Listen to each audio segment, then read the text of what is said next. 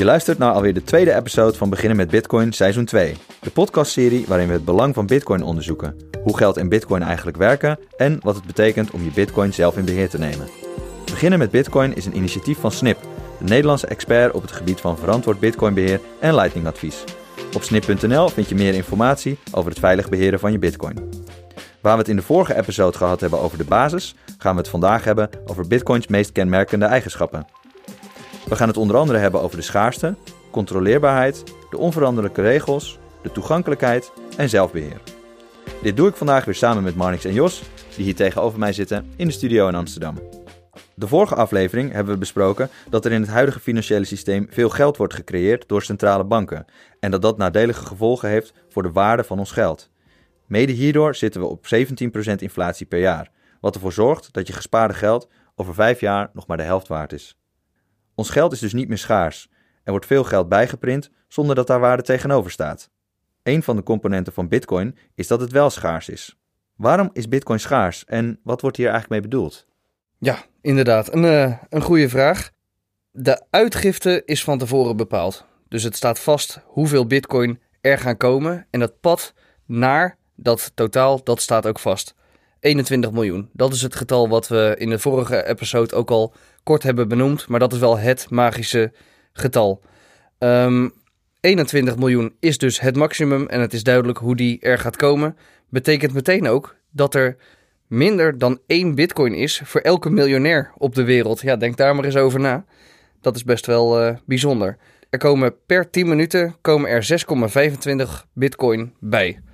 En vanaf 2024 gaat die toename die gaat door de helft. Dus dan is het 3,125 bitcoin. Nou ja, en dat blijft maar halveren. Het begon allemaal op 50 bitcoin per 10 minuten in 2009. Ja, en wat ik zeg, nu zitten we dus op 6,25. Dat worden de 3,125. En dat blijft halveren. Ja, en als je iets maar blijft halveren, ja, dan ga je op een gegeven moment, kom je op een hele platte kromme, zeg maar. Dan, uh, dan blijft de toename, die wordt echt heel miniem. Zo is het heel voorspelbaar hoe we op die 21 miljoen uit gaan komen. Ja, dus wat je bedoelt is dat als je dat op een grafiek zou plotten, dan op een gegeven moment krijg je net een hele vlakke lijn. Ja, precies. Dus ja, echt een flinke lijn omhoog. Daar begon hij inderdaad, ging hij heel hard omhoog. En dat wordt haast wordt het een horizontale lijn naar die 21 miljoen toe. Die halvering die is dus iedere vier jaar. En ja, dit is ook inflatie. Dus we hadden het vorige episode al over inflatie. Als we dagelijks over inflatie hebben, dan hebben we het over het prijsspel dat hoger wordt. Ja, boodschappen die duurder worden. Maar de andere, of de tweede uh, soort van inflatie, dat is monetaire inflatie. En dat is waar we het hier ook over hebben. Dus het, de toename van de geldhoeveelheid. Nou ja, dat is, uh, dat is laag bij Bitcoin. Want die percentages die we hebben gezien bij de centrale banken, ja, die uh, zitten al boven de, boven de 10% vaak. En bij Bitcoin is die toename van die geldhoeveelheid, die is nu 1,75%. Dat is al minder dan de euro. Ja, dat, en dat staat ook vast. Daar kunnen we echt ons aan, aan vasthouden. En dat is uh, die 1,75%, dat is ook alweer minder dan zelfs het doel wat de ECB heeft voor inflatie. Ja, zeker. En, uh, en ook de ECB, daar was de, de geldgroei, dat is misschien nog even mooi om te, om te benoemen, was uh, eh, 15% gemiddeld uh, jaar op jaar. Dus de hoeveelheid geld die erbij komt de afgelopen twee jaar was 15%. En in Bitcoin staan die regels dus vast. Dus die inflatie gaat ook elke keer eigenlijk door de helft. En waarom is dat belangrijk? Nou, door de geschiedenis heen was schaarsheid altijd wel een van de belangrijkste eigenschappen van geld.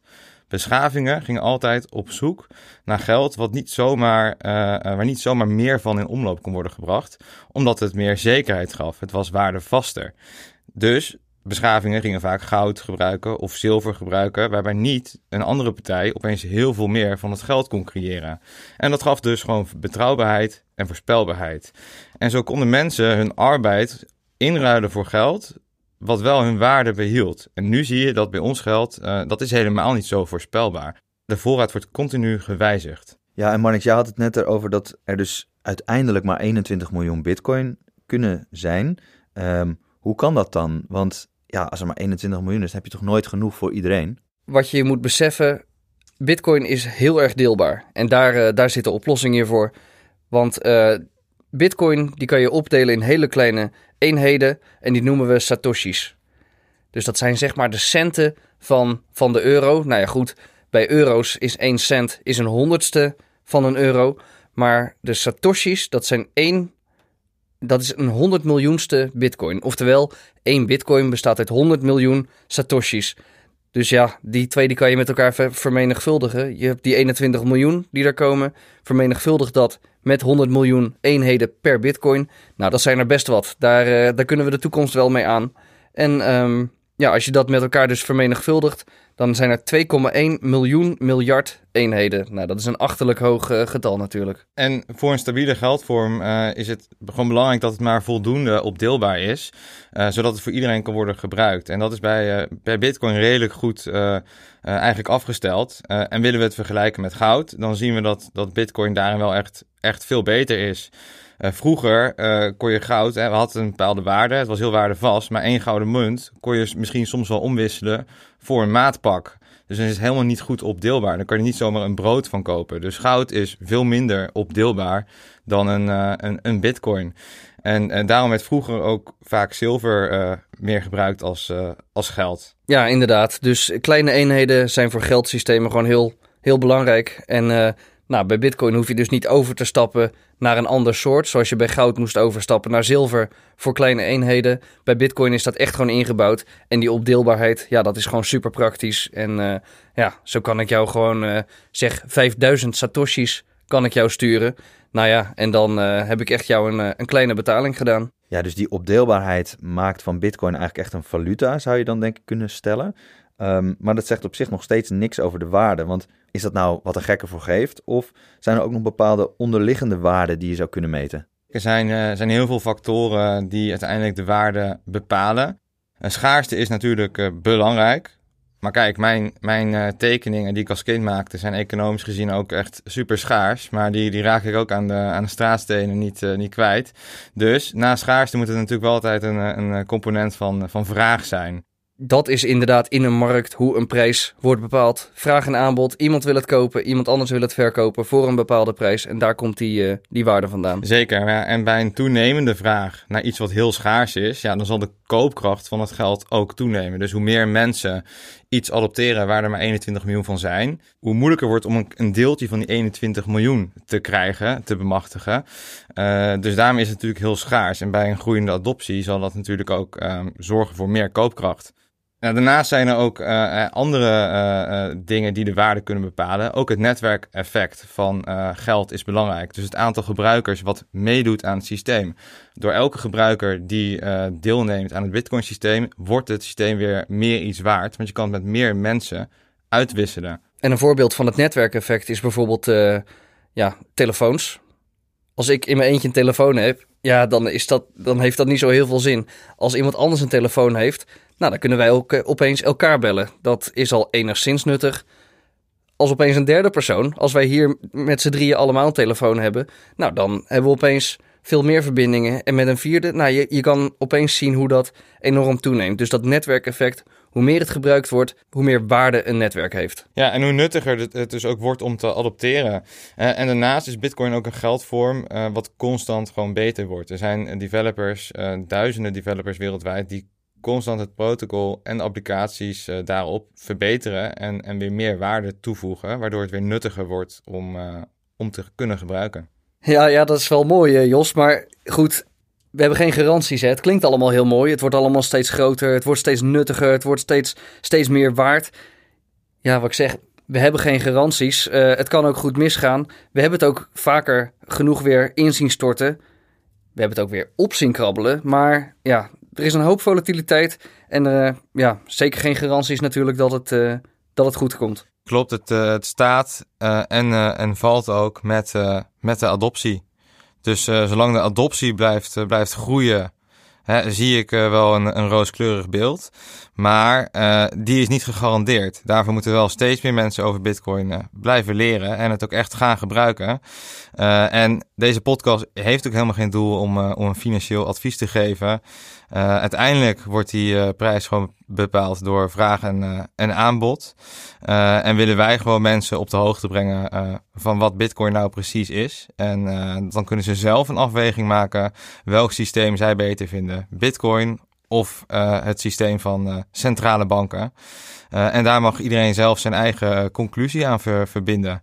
wat we wel steeds zien, en ehm, ik weet niet hoe jij daarin staat, is dat je elke adoptiegolf er komen er heel veel nieuwe gebruikers, die komen er ook voor de prijs in. Maar blijft altijd een groep hangen die uh, er niet voor de prijs is, maar die gewoon technologie gaat, gaat bouwen uh, of producten rondom Bitcoin gaat bouwen en die echt uh, ja, waarde gaan toevoegen aan het systeem. En Seren, jouw vraag was dus, waar komt die waarde vandaan? Nou, als we ook even terugdenken aan de vorige aflevering. Bitcoin is voor iedereen wat anders, heeft voor iedereen ook andere achtergronden. De dingen die we net benoemen, die werken mee aan die waarde. Maar er zijn zoveel redenen waarom mensen Bitcoin willen hebben. En uiteindelijk is het heel simpel: vraag en aanbod, dat bepaalt de prijs van, uh, van die Bitcoin. Dus als ik het goed begrijp, zijn er heel veel componenten die die prijs bepalen. Maar is het de vraag en aanbod die, uh, die leidend uh, is? Ja, we hebben het dus gehad over de uitgifte van uh, Bitcoin. Um, in het begin kwamen er 50 Bitcoin per 10 minuten vrij. Nu is dat een, stuk minder, zoals jij net omschreef, uh, Marnix. Um, hebben mensen die dus nu beginnen met Bitcoin dan niet een gigantische achterstand? Ja, dit is al een van de grote problemen van nieuw geld uitgeven, zeg maar. Hoe, uh, hoe breng je dit nou goed in de handen van, van alle mensen? Ja, er is, er is een hoop hierover te zeggen. We kunnen ook zeggen, ja, in het begin de prijs was laag en het was ook niet heel bekend hoe groot het risico was. Het was echt een nieuw geldsysteem, dus het risico was ook veel groter. Dus krijg je daar ook veel meer bitcoin, omdat je er, uh, er vroeg bij bent. Ja, tuurlijk, dat kan wat oneerlijk voelen. Eerlijk gezegd, ja, dat is wel vaak zo. Als je, als je ergens vroeg bij bent en uh, iets ziet, ja, dan heb je daar vaak meestal een, een, ja, heb je daar vaak wel een, een voordeel van. Volgens mij is dit wel de minst oneerlijke manier om dit te doen. Want iedereen was vrij om ermee te beginnen. Iedereen, het was gewoon een open systeem. Iedereen mocht uh, er gewoon instappen. Ja, dit leidt ook gewoon tot meer adoptie. Dus uh, ja, zeker in het begin. Je moet zorgen dat het populair wordt. Veel mensen erbij komen. Zeker. Ja, iedereen kon, uh, kon er tegelijkertijd mee beginnen. En, en kon Bitcoin gaan verdienen door, door mining. Waar we het later ook meer over, over gaan hebben.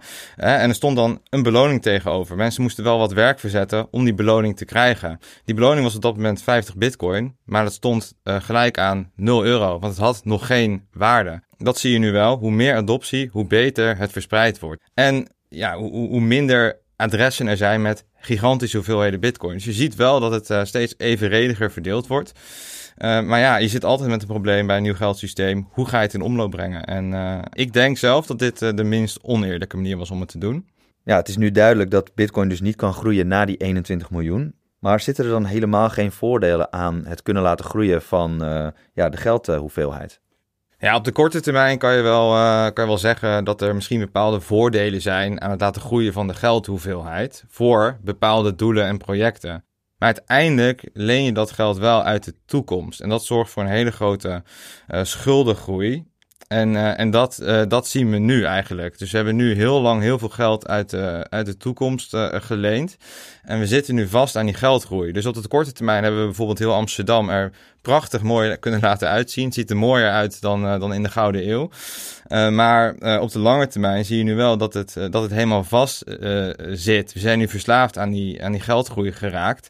En we kunnen er eigenlijk niet meer mee stoppen. En elke keer uh, als er een crisis dreigt te ontstaan, dan zijn er nu allemaal kunstgrepen nodig om het, uh, om het maar eventjes voor te laten duren. En hebben we vaak nog meer geldgroei nodig om het weer op te vangen.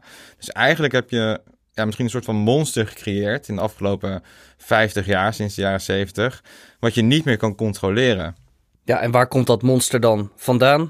We hadden het in de eerste aflevering al over de diensten en goederen tegenover de geldhoeveelheid. Nou, en dat is volledig, uh, volledig scheef gaan lopen. In je voorbeeld had je een economie met 100 appels en uh, eh, 100 euro. Je zegt als daar 100 euro bij komt, ja, dan uh, doet dat iets met die prijs van die 100 appels. Um, ja, en daar, daar komt echt het grote, ja, de grote problemen vandaan die we nu hebben. Nou, en bij Bitcoin, daar kan je niet ongelimiteerd geld bij drukken. Dus waar we nu zien dat er inderdaad 200 euro worden gecreëerd voor 100 appels, gaat dat bij Bitcoin niet. Het is gewoon heel duidelijk: dit is de geldhoeveelheid, daar zal je het mee moeten doen. En dat is gewoon voor altijd jouw deel van de taart. Als jij het voor elkaar krijgt om een hele Bitcoin bij elkaar te sparen, dan heb je altijd 1 21 miljoenste van het totaal.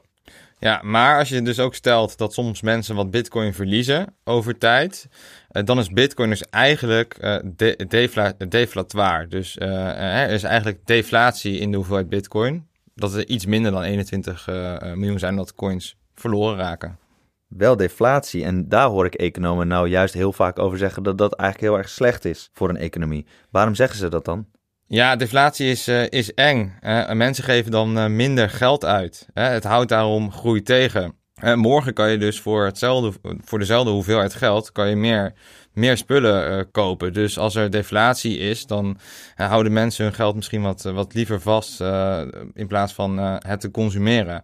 Het voordeel is wel dat je dan wel weer kan sparen. Je geld wordt weer meer waard en men zal consumptie dus iets uitstellen.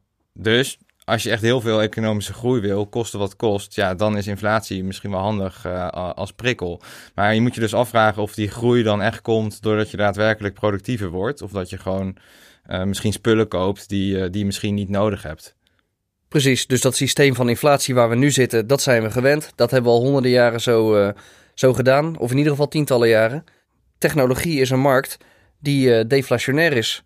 Het, het wordt steeds efficiënter om spullen te maken het wordt steeds goedkoper. Het aantal transistors neemt steeds toe. Ja, dat is dan de, de wet van Moore. Maar komt erop neer. Technologie wordt steeds goedkoper. Ja, daardoor worden telefoons, tv's, uh, laptops, die worden steeds uh, goedkoper. En eigenlijk is dat best wel een, uh, een model dat best wel werkt. Uiteindelijk zal je toch een keer een nieuwe laptop moeten kopen. Maar ja, in plaats van dat je gewoon maar heel snel moet kopen omdat je morgen minder krijgt voor je euro werkt het hier precies andersom. Volgende week uh, krijg je meer power ervoor. En eigenlijk is dat een markt die prima werkt. Ja, en je zult misschien ook al uh, uh, hebben gemerkt in deze aflevering dat we, we hebben ook hier gloednieuwe microfoons. en onze producent die heeft deze ook gekocht, ondanks dat deze apparatuur ook steeds goedkoper en beter wordt. zodra je, dus wat ik probeer te zeggen, zodra je spullen misschien nodig hebt, dan waardeer je dat dus op dat moment meer dan je geld en zal je het dan ook echt wel aanschaffen. En als je ook kijkt naar een beetje de geschiedenis, dan zijn er ook heel, hele lange periodes geweest van deflatie. Waar dus het geld steeds meer waard werd, maar er wel sterke economische uh, groei was, zonder dat de schulden te hard meegroeien. Dus dat deflatie per definitie uh, slecht is, ja, dat, dat, dat, dat trek ik dus zeer uh, in twijfel. We kennen het systeem inderdaad ook niet. Een deflationair systeem hebben we nog nooit in de breedte gezien. En ik ben ook wel heel benieuwd ja, als mensen inderdaad minder troep gaan kopen omdat hun geld minder waard wordt. Ik uh, denk dat dat netto best wel eens uh, heel goed uh, zou kunnen zijn voor de wereld. Dus dat maximum wat we hebben aan Bitcoin, ja, dat zien, zien wij volgens mij hier allemaal echt als een, als een goed ding. Ja, dus als ik het goed begrijp, zorgt deflatie er aan de ene kant voor dat mensen minder uitgeven, omdat ze morgen dus met hetzelfde geld meer krijgen voor dezelfde euro. En ja, dat klinkt inderdaad zo verkeerd nog niet als je het bekijkt door de bril van consuminderen. Um, maar aan de andere kant kan het dus wel ook de groei van de economie afremmen. Dan blijft toch een beetje de vraag over hoe controleren we dan eigenlijk die 21 miljoen bitcoin? Hoe wordt dat gehandhaafd en hoe controleren we de overige spelregels bij, uh, bij bitcoin? Kijk, ja, nou dan komen we bij het, uh, bij tweede onderwerp van deze aflevering inderdaad. Hoe, ja, hoe controleren we dat? Nou, dat kunnen we met z'n allen doen. Jij kan dat doen, ik kan dat doen, uh, de luisteraar die kan dat doen. Die spelregels, zeg maar, waaronder die 21 miljoen, die worden gecontroleerd door tienduizenden mensen en ook bedrijven die, uh, ja, die over de hele wereld op vrijwillige basis dit controleren. Die draaien allemaal software die uh, de regels controleren. En als iemand zich nou niet aan de regels houdt, ja, dan kan diegene niet meer meedoen met de rest van het netwerk. Die wordt gewoon weggefilterd en niet doorgegeven. En uh, ja, zo, zo blijft het allemaal netjes. Ja, en die wordt dan dus niet doorgegeven uh, aan het grootboek, denk ik, hè? Dat sowieso, inderdaad. Dus dat wordt door de miners wordt dat niet opgenomen. Maar ook als jij tegen mij vertelt van... joh, ik zou deze transactie willen doen... En ja, dan controleer ik hem ook al. Dat is in de mempool, gaan we het echt nog over hebben. Maar die transactie, die komt bij mij uit. Ik zie, ja, dat is gewoon onzin. Die bitcoin komt nergens vandaan. Serran die verzint opeens dat hij 500 bitcoin heeft. Nou, dan ja, dan zie ik al dat het gebaseerd is op niks. En dan ga ik het ook niet, uh, niet doorgeven aan, uh, aan de rest van de mensen. Ja, eigenlijk, eh, en als je het even wil vergelijken met iets uit de, uit de echte wereld, dan is het misschien het menselijk immuunsysteem wel, wel een goed voorbeeld. Dus als er hè, in jouw lichaam een virus of bacterie uh, probeert binnen te dringen, dan gaat jouw lichaam gelijk aan het werk. Die gaat uh, uh, antistoffen maken om dat, die binnendringer, dat virus, maar uit je lichaam te stoten. Dus alle mutaties worden verworpen. En bij Bitcoin is dat eigenlijk ook zo. Als jij um, iemand anders Bitcoin probeert uit te geven, of opeens zegt van, nou, 100 bitcoin zijn van mij, dan, dan wordt dat, die transactie die wordt niet meegenomen door het netwerk. Die wordt eigenlijk als het ware afgestoten als een verkeerde mutatie. En ja, die wordt gewoon verworpen door het, door het netwerk van tienduizenden computers. Ja, dus we kunnen het netwerk kunnen we inderdaad zien uh, als één groot organisme wat uh, de boel, uh, boel veilig houdt. En nou goed, uiteraard zijn dat niet virussen zoals het, het voorbeeld. Dit gaat, ja, dit, het is allemaal code, het is allemaal software, het is allemaal praten met elkaar. En ja, het meeste gebeurt natuurlijk automatisch. Er is geen persoon die handmatig transacties gaat zitten controleren en terugzoeken. Ja, allemaal gebeurt het automatisch door software. En die regels die controleren we dus met onze computers. En ook de luisteraars die kunnen dat zelf ook checken. En wat zijn dan voorbeelden van die regels in de software? Nou ja, goed, die 21 miljoen, die hebben we al, al genoemd. Maar een andere belangrijke regel is dat je niet zomaar andermans geld uit mag geven. Of ja, niet zomaar. Je mag andermans geld niet, niet uitgeven. En er zijn er nog veel meer. Maar goed, laten we die even als voorbeeld nemen. Want hoe komt het dat er bijvoorbeeld maar maximaal 21 miljoen bitcoin in omloop kunnen zijn? Nou, en dat is dus het, het resultaat van die, van die wiskundige krommen die we al beschreven. Die, die toename, die grafiek die omhoog schoot en dus steeds platter wordt. Nou, dat is het resultaat. Maar de vraag is, ja, je vraag is inderdaad, hoe, hoe krijg je die regel nou gecontroleerd? Dat komt door die miners.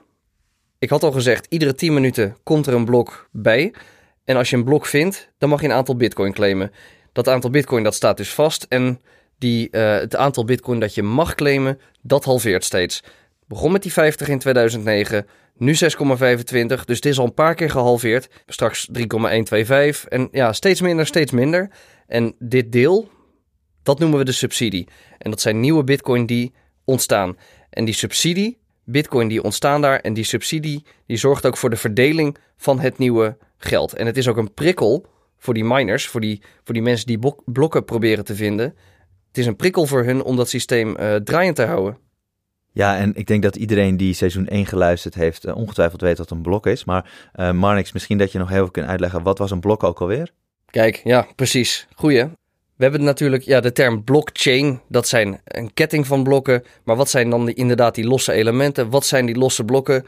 Blokken, dat zijn eigenlijk gewoon, ja, je kan het zien als databestandjes waar een aantal transacties in staan.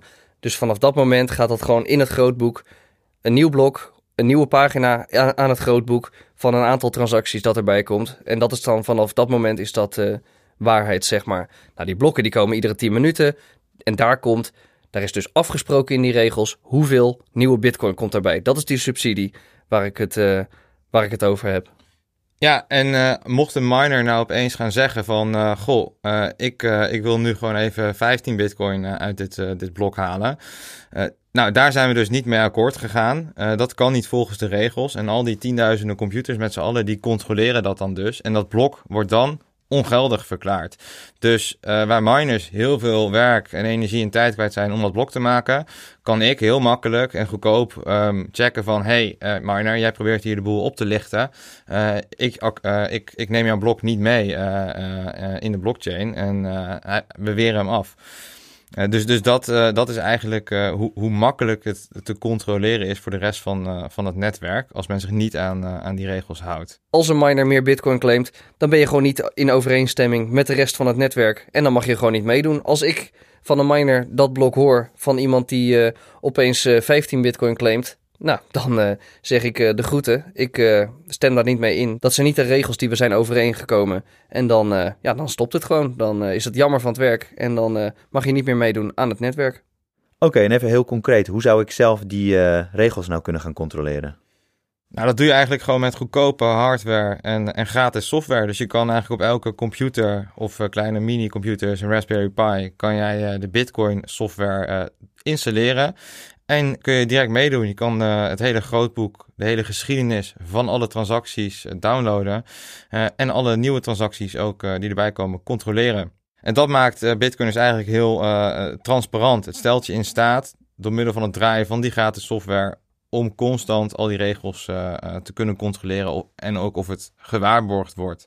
En in ons huidige systeem moet je controleren op één autoriteit. Dus niet die tienduizenden computers die controleren, maar er is maar één centrale bank die de regels controleert. En dat, uh, dat, dat is bij Bitcoin dus anders. Ja, dus ik zou online bijvoorbeeld inderdaad wat je zegt een Raspberry Pi kunnen kopen. Daar zou ik wat software op kunnen zetten en dan kan ik meedoen. Maar dan ben ik wel benieuwd, want waarom zou ik dat dan precies doen? Want daar krijg ik dan dus volgens mij nog niet voor betaald, zoals zo'n miner. Ja, dat klopt. Ja, je zegt wel, je moet een computer kopen. Laat ik daar even ten eerste over zeggen. Je kan het ook gewoon op je huidige computer, kan je het ook gewoon downloaden en dan doe je ook mee. Maar inderdaad, wat je zegt, dat klopt. Je verdient er niks aan. Dus um, daar komt niet meteen geld uit. Het geld wordt verdiend door die miners, die die subsidie krijgen bij de blokken. Maar als jij een node hebt en je controleert de regels, dan verdien jij daar inderdaad zelf, uh, zelf niks aan. Het betekent wel dat je zelf de informatie hebt. Je hebt het zelf gecontroleerd. Je controleert zelf die regels of iedereen zich daaraan houdt. Um, en dat betekent dus ook dat je niet een derde partij hoeft te vragen over jou, over de Bitcoin-informatie, zeg maar. Dus je bent echt zelf in eigen controle van je Bitcoin. En dat is best wel een hoop waard. En ook voor privacy is dit een goed idee. Want als ik wil weten hoe het zit met mijn, met mijn Bitcoin-adressen of er geld is ontvangen, dan kan ik dat vragen aan een derde partij. Nou, als ik aan iemand vraag, hoe zit het eigenlijk met, uh, met adres A? Ja, dan weten jullie meteen, oh, daar ben jij dus in geïnteresseerd.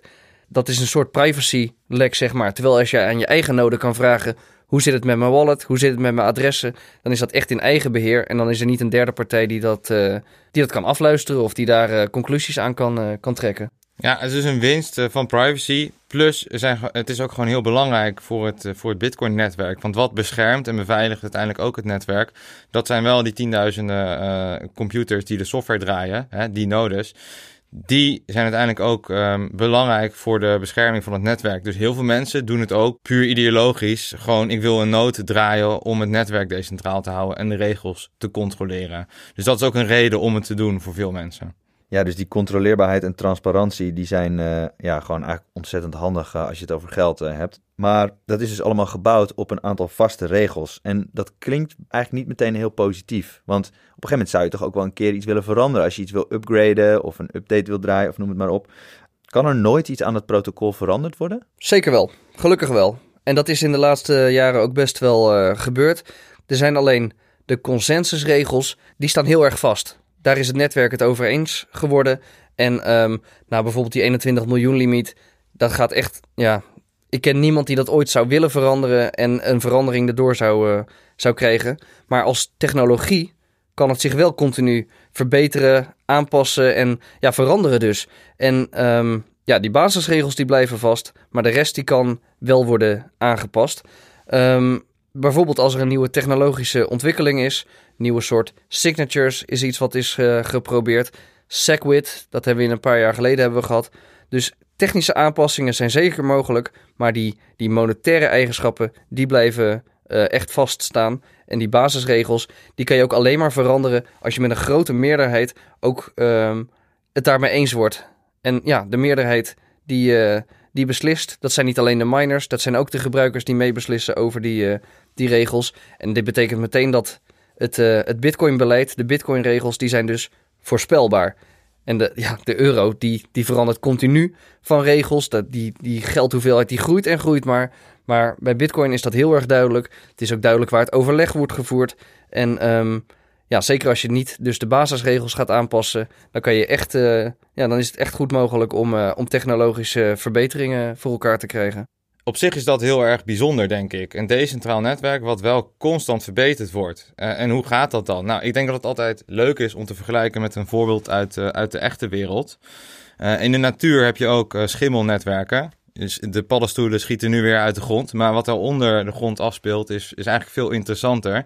het zijn hele decentrale organismes, decentrale netwerken onder de grond, die continu zichzelf upgraden. het netwerk komt vijanden tegen op zoek naar, naar voedsel. Dus ze komen bacteriën tegen, andere schimmels of virussen.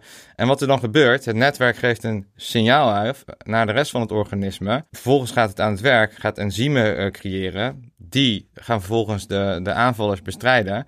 En dat nieuwe enzym wordt dan onderdeel van het netwerk. En daardoor wordt het netwerk weer sterker en robuuster. En dit dit evolueert zich letterlijk over soms honderden jaren bij dit soort uh, netwerken. En uh, het, het, het upgrade zichzelf constant. Dus als het weer dezelfde vijand tegenkomt, dan kan het direct aan de, aan de slag. Want dan is het enzym al onderdeel van het netwerk. En Bitcoin doet eigenlijk uh, hetzelfde. als er een gevaar of kans zich voordoet, dan gaat een, een heel leger aan developers gaat, gaat bouwen aan nieuwe oplossingen en toepassingen om Bitcoin weer iets beter te maken. Het is geld wat zichzelf dus ook kan upgraden afhankelijk van wat er in die omgeving gebeurt. Dus is er uh, iets wat moet worden opgelost, een theoretisch uh, probleem, of, uh, of er is al daadwerkelijk een probleem, dan kan Bitcoin daar letterlijk mee omgaan en, en zichzelf dus verbeteren. Ja, en je noemt hier dus dat de developers dat verbeteren.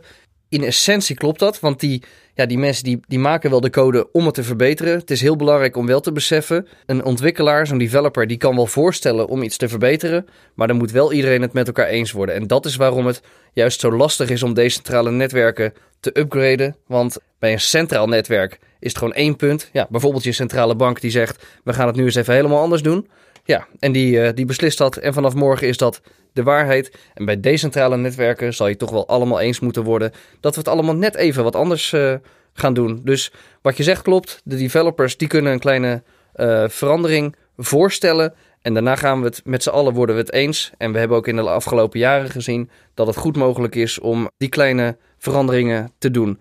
Dus voor goede technische veranderingen die niet de basisregels aantasten, daar kunnen we ook zeker overeenstemming over vinden. Dat is ook gebeurd in de afgelopen uh, jaren. Dat verbetert het netwerk ook. En als je dus de meerderheid van de miners en de gebruikers achter je hebt, dan, uh, dan kunnen die verbeteringen er komen. Ja, en Marnix, je had het net over SegWit. Dat uh, klinkt nogal abstract. Welke updates heeft Bitcoin eigenlijk allemaal doorgemaakt de afgelopen jaren? Ja, SegWit was een grote. Die maakte het Lightning-netwerk mogelijk. Het netwerk waar je snelle betalingen met elkaar kan doen. Iedereen die zag, eigenlijk willen we snellere betalingen. Het is nogal lastig om 10 minuten te moeten wachten op je kopje koffie. Iedereen zag, dit kan beter. Er werd een voorstel gedaan om dat uh, te verbeteren. Ja, die, die Segwit verbetering, ja, die heeft Lightning mogelijk gemaakt waarmee je ja, bliksemsnel uh, betalingen kan doen tegen lage kosten. Ja, dat is dus echt een, een verbetering in de basislaag die meerdere mogelijkheden mogelijk heeft gemaakt. Ja, Lightning heeft echt voor gezorgd dat je dat, je dat biertje wel uh, aan de bar uh, kan uh, bestellen en betalen met, met Bitcoin. Dat hebben we ook afgelopen week waren wij ook in Amsterdam bij Bitcoin 2022. En daar hebben we letterlijk duizenden betalingen met, met Lightning gedaan. En daar kocht je alles met, met Bitcoin. Dus we zien wel echt dat, dat het netwerk echt upgrades maakt. Maar over die basisregels, is daar iedereen het altijd uh, helemaal over eens geweest dan? Zijn daar geen uh, meningsverschillen over geweest? Nou, er zijn zeker wel uh, voorbeelden geweest in de Bitcoin-geschiedenis waarbij ja, best wel grote groepen miners en bedrijven de basisregels wilden veranderen. er was bijvoorbeeld de hele block size wars, dat begon al in 2015 volgens mij. Maar daar wilde dus een, een hele, hele grote groep miners en bedrijven wilden dat er sneller meer transacties uh, mogelijk zouden zijn uh, op de basislaag. Dus je had een uh, groep grote blokkers en je had een groep kleine blokkers. En die kleine blokkers die wilden eigenlijk Bitcoin decentraal houden. Die wilden niet dat er te veel transacties werden gedaan op die basislaag in die blokken, zodat iedereen makkelijk een node kon blijven draaien. Dus de software kon blijven draaien en ja, de, de Bitcoin-regels kon blijven valideren. Ja, inderdaad. Even terug naar die basis. Dus een blok kan een megabyte groot zijn, zeg maar. En als er elke 10 minuten één blok van een megabyte bij komt, dan is dat bij te houden. Zoveel harddiskruimte is nog wel, ja, of is, is goed te kopen, zeg maar. Maar er was inderdaad een groep, uh, Jos, dat klopt, die, ja, die wilde zeggen, ja, ze kunnen veel groter zijn. Betekent ook inderdaad dat de blokken veel sneller groeien en het harddiskgebruik veel sneller groeit. En dat is dus inderdaad die achtergrond van wat je zegt. Ja, zeker. En het is ook niet alleen opslag. Je moet ook, uh, stel je voor dat je elke 10 minuten een blok van 1 gigabyte moet downloaden met een laptop in Afrika. dat gaat gewoon niet gebeuren. Dus je sluit daarmee heel veel mensen uh, gewoon eigenlijk buiten, uh, buiten. Die kunnen gewoon niet eens meer de software draaien. Nou goed, uiteindelijk is dat netwerk of, of die groep mensen is afgesplitst, want zij wilden die grote transacties wel. de gebruikers van Bitcoin zeiden nee. Die zeiden, wij willen dit niet. Wij willen gewoon uh, de, kleine blokken en de huidige regels van het netwerk blijven houden. Dus zij moesten eigenlijk afsplitsen. En uh, dat project heet nu Bitcoin Cash. wat nog minder dan 1% waard is van wat van nu 1 bitcoin waard is. Dus ja, we zien wel een beetje wat het succes daarvan is geweest. Niet heel erg daverend. Ja, dus die pagina's in het grootboek, die zijn dus heel bewust klein gehouden, begrijp ik. Hoe doen andere blockchains dit eigenlijk? Hè? Zoiets als Ethereum bijvoorbeeld. Uh. Ja, ja, daar hoor je een hoop over. Ik ben er geen fan van, want uh, ik, ben, uh, ik wil heel graag dat het geld wat ik gebruik, dat het gewoon vaststaat, dat de regels duidelijk zijn. Zoals bij Bitcoin. De basisregels, die zijn niet veranderd. Hoe er, hoe de nieuwe Bitcoin ontstaat, dat verandert niet. Hoeveel Bitcoin er komen, dat verandert er niet. Nou ja, goed, je noemt al Ethereum. En dat is al, al meerdere keren gewijzigd hoe er daarmee wordt omgegaan. Dus daar ben ik zeker geen geen, uh, geen fan van. Ja, die hebben ook laatst die, uh, die wijziging uh, gemaakt naar proof of stake. Ja, ja, in principe maken nu 60% van alle blokken worden gemaakt door de vier grote exchanges die er zijn. En dat betekent eigenlijk ook letterlijk dat, dat het systeem heel makkelijk te beïnvloeden is. Stel dat een, een overheid het niet eens is met wat voor transacties Ethereum meeneemt, dan, dan kunnen ze naar die vier exchanges gaan en zeggen: ho, ho, weer die transacties maar uit het grootboek. Dus het is heel gecentraliseerd daardoor. Dat zie je eigenlijk bij, eh, bij de meeste van dat soort uh, crypto-netwerken. Dat er gewoon vaak wel veel centralisatie is. Ja, en dat voelt voor mij weer echt zoals het, uh, het eurosysteem, waar we gewoon een paar partijen hebben. Ja, en als je daar niet bij hoort, dan mag je gewoon niet meedoen. Het, het systeem wordt daar, uh, wordt daar geslotener van, zeg maar, van uh, werken op deze manier. Ja, dus dat gaat inderdaad weer precies de, tegenovergestelde richting uh, in. Laten we het even hebben over toegankelijkheid. Hè. Be your own bank is een uh, hele populaire catchphrase op dit moment in de Bitcoin-wereld. maar wat maakt Bitcoin nou eigenlijk zo toegankelijk? Ja, het is een open netwerk. Hebben we eigenlijk ook al eens vaker teruggekomen. Iedereen kan het zomaar gebruiken. Iedereen kan nu een wallet downloaden, Blue Wallet bijvoorbeeld. je installeert het, je maakt een backup, je klikt op ontvangen en je kan Bitcoin ontvangen. Dus Bitcoin discrimineert niet en het censureert ook niet. Nou, als we dat dan weer vergelijken. Een recent voorbeeld kwam deze week nog in het nieuws uh, van PayPal. Ja, op basis van onwelgevallige meningen kan PayPal je boetes geven van uh, tot wel 2500 dollar. Dat is al netjes opgenomen in de gebruikersvoorwaarden, die de meeste mensen niet lezen. Maar ja, uitingen op sociale media, die kunnen, die kunnen dus worden beboet door PayPal. Nou, dat is natuurlijk uh, bizar. Dus daar wordt zeker wel gediscrimineerd. We hebben hier ook een voorbeeld van. Uh, Jos, we gaan naar een clip luisteren. Kun je daar even context bij geven? Ja, we luisteren hier straks naar een mevrouw uit Oekraïne. En die wordt door Kazachstan, Moldavië en Polen als vijand van de, van de staat gezien. Waarom? Omdat ze rechters, politici en advocaten die politiek vervolgd worden, financieel ondersteunt. En eigenlijk is er een hele lastercampagne naar haar opgezet. En uiteindelijk heeft dat er zelf toe geleid dat ze uit het hele financiële systeem is gezet met haar organisatie. En ook in België uh, is opgepakt. Ze is natuurlijk hiervoor wel vrijgesproken. Maar zelfs vanuit Europa uh, wordt zij buiten het uh, financiële systeem gezet. Omdat ze mensen ja, die, die politiek vervolgd worden probeert te helpen. Nou, luister maar even naar de clip. Today, there is a huge problem for us as an NGO because there are a lot of people in Russia, from political prisoners to political activists, who are fighting with the regime inside of the country.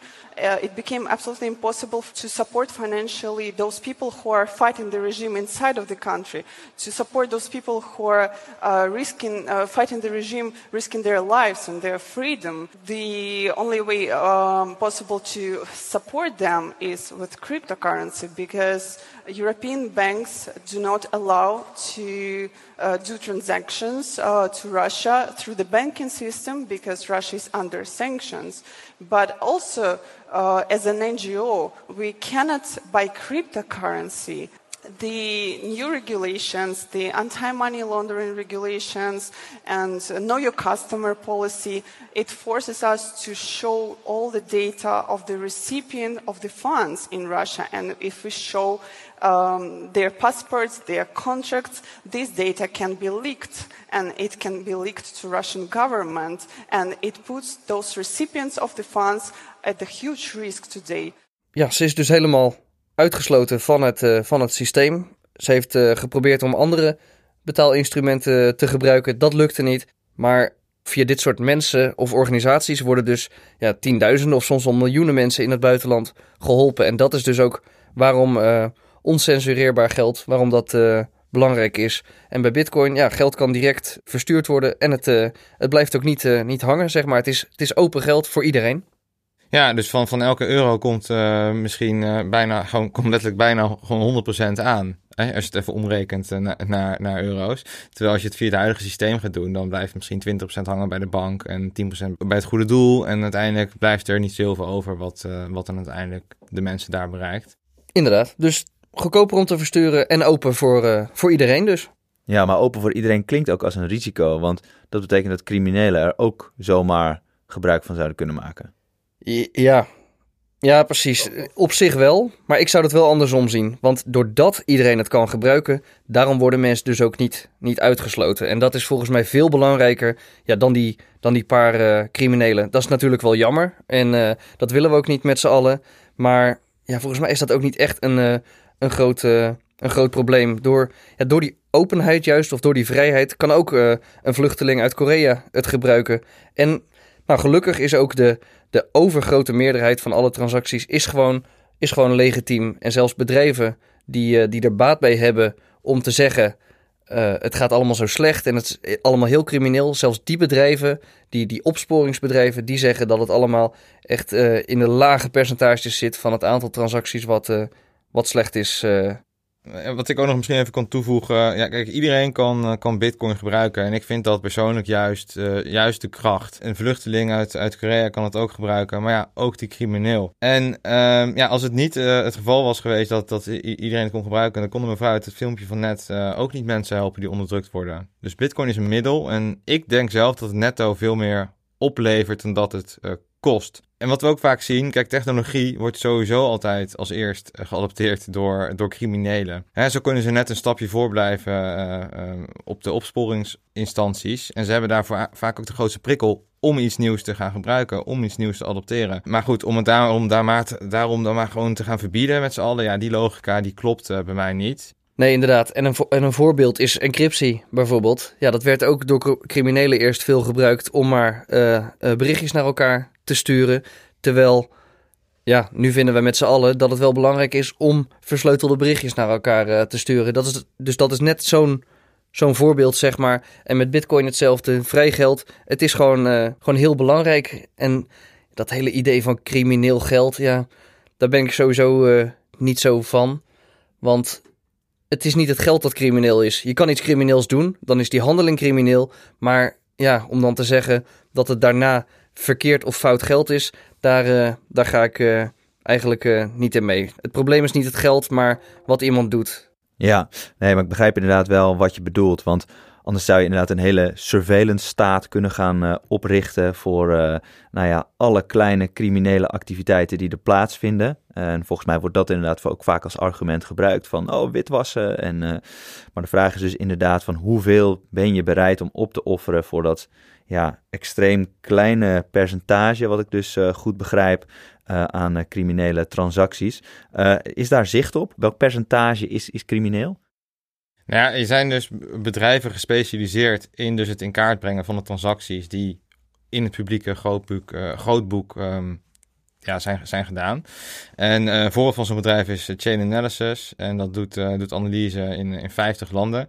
En zij zeggen eigenlijk minder dan 1% van de transacties flaggen wij als, als, als zijnde illegitiem. Van de, die minder dan 1% maken ook scams onderdeel uit. Of mensen die drugs kopen via een dark web. Uh, dus, dus dat valt dan ook onder die, die, uh, die gradatie. dat betekent ook gewoon dat 99% van het gebruik wel goed is. 1% dus. En ja, we praten nog steeds niet goed, maar het is sowieso een heel laag percentage. En, um, en ik denk dat dat volgens mij gewoon de kosten zijn van een vrije samenleving, van vrij geld. Ja, daar hoort nou eenmaal altijd in de marge wat, wat frictie bij en wat problemen bij. Maar wat mij betreft is dat in ieder geval heel, heel acceptabel. Ja, en het voordeel is dat je dus iedereen eigenlijk een bankrekening uh, kunt uh, geven. Ook in uh, arme landen, maakt niet uit waar ter wereld je bent. Um, die term hoor je ook wel vaak, hè? banking die unbanked. Um, maar ja, is dat niet alleen maar een mooie catchphrase? Of zien we daar ook daadwerkelijk wat van terug nu? Ja, ja, we zien recent, vorig jaar heeft El Salvador Bitcoin geadopteerd als zijnde legal tender. Dus het is dan een wettig betaalmiddel geworden. Daar had 70% van de bevolking nog geen bankrekening. En nu kunnen we opeens met een telefoon toegang krijgen tot een, uh, tot een wereldwijd ja, betalingsnetwerk. En hebben ze opeens wel gewoon uh, een bankrekening uh, die ze gewoon via hun telefoon direct kunnen installeren. Dus dat is wel een hele grote stap. Dus je ziet vooral in dat soort landen waar de betalingsinfrastructuur veel slechter is, dat ze daar veel sneller tot nieuwe oplossingen komen, zoals Bitcoin. Ja, en ja, dat, dat noemen we hier nou wel eventjes gewoon tussen neus en lippen. Maar hoe gaaf is dit nou? Dat opeens miljoenen mensen mee kunnen doen aan dit uh, betalingssysteem. Gewoon fatsoenlijk kunnen kopen, verkopen, arbeid aanbieden. Gewoon echt als volwaardig burger gewoon meedoen in het, uh, in het geldsysteem. Ja, dat, dat vind ik gewoon uh, extreem positief. Ja, dus inderdaad, die toegankelijkheid is ontzettend tof. Um, maar nou goed, ik wil, ik wil nu meedoen. Hoe gaan we dat bewerkstelligen? Heel simpel. Ja, Open je laptop, download die software en uh, draai een node. Ja, zo makkelijk is het eigenlijk. Je downloadt die blockchain en jij bent gewoon een volwaardig burger in dit, uh, in dit netwerk en jij kan uh, meedoen. Je hebt geen toestemming nodig. Jij kan opeens checken of iedereen zich aan de, aan de regels houdt. En die node doet echt het werk. En er zijn natuurlijk ook mobiele wallets, bijvoorbeeld Blue Wallet. Ja, die kan je gewoon downloaden. Je maakt een backupie en uh, je kan ontvangen. En zo simpel is het eigenlijk. Zoals we in de vorige episode ook al benoemden. Mensen worden uitgesloten, ook als je legale dingen wil doen. En um, nou, met Bitcoin, niemand wordt uitgesloten. Iedereen kan meedoen. Je kan ook dus echt um, eigen controle of echte controle weer over, jou, uh, over jouw geld krijgen. Ja, en dan uh, zijn we bij het laatste punt van deze episode uh, aangekomen. Probeer het allemaal zo uh, compact mogelijk te houden. Bitcoin zelfbeheer. Wat is daar nou precies zo bijzonder aan? Nou, het is de allerbelangrijkste eigenschap, eigenschap van Bitcoin, dat je het zelf in beheer kan nemen. En dat in combinatie met die openheid maken het systeem dus echt permissieloos. Een systeem waar je geen toestemming voor nodig hebt. En iedereen kan dat gewoon doen door die wallet te installeren waar Marnix het net over had. En bij Bitcoin kan je dus echt de eigenaar zijn van je geld. Maar dan moet je het niet op een exchange laten staan. Precies. Eigen beheer. Dus zorg dat je zelf die software hebt. Zorg dat je zelf je sleutels hebt. En zo ben jij echt een volwaardig burger. Doe jij volledig mee met het netwerk. En uh, kunnen mensen jouw bitcoin ook niet, uh, niet afpakken. Je moet over een paar dingen nadenken. Bijvoorbeeld over het bewaren van je sleutels. Uh, wat voor software draai ik. Maar het kan echt. Je kan zelf je eigen bitcoin in eigen beheer houden. Ja, dat was een mooie cliffhanger volgens mij. Daar gaan we het in de volgende episode uitgebreid over hebben. Hoe en waarom hou je je bitcoin nou in uh, zelfbeheer? Bedankt voor het luisteren. Dit was Beginnen met Bitcoin, een podcastserie mede mogelijk gemaakt door Snip. Vond je deze podcast interessant? Vergeet je dan niet te abonneren en even een like of reactie uh, achter te laten.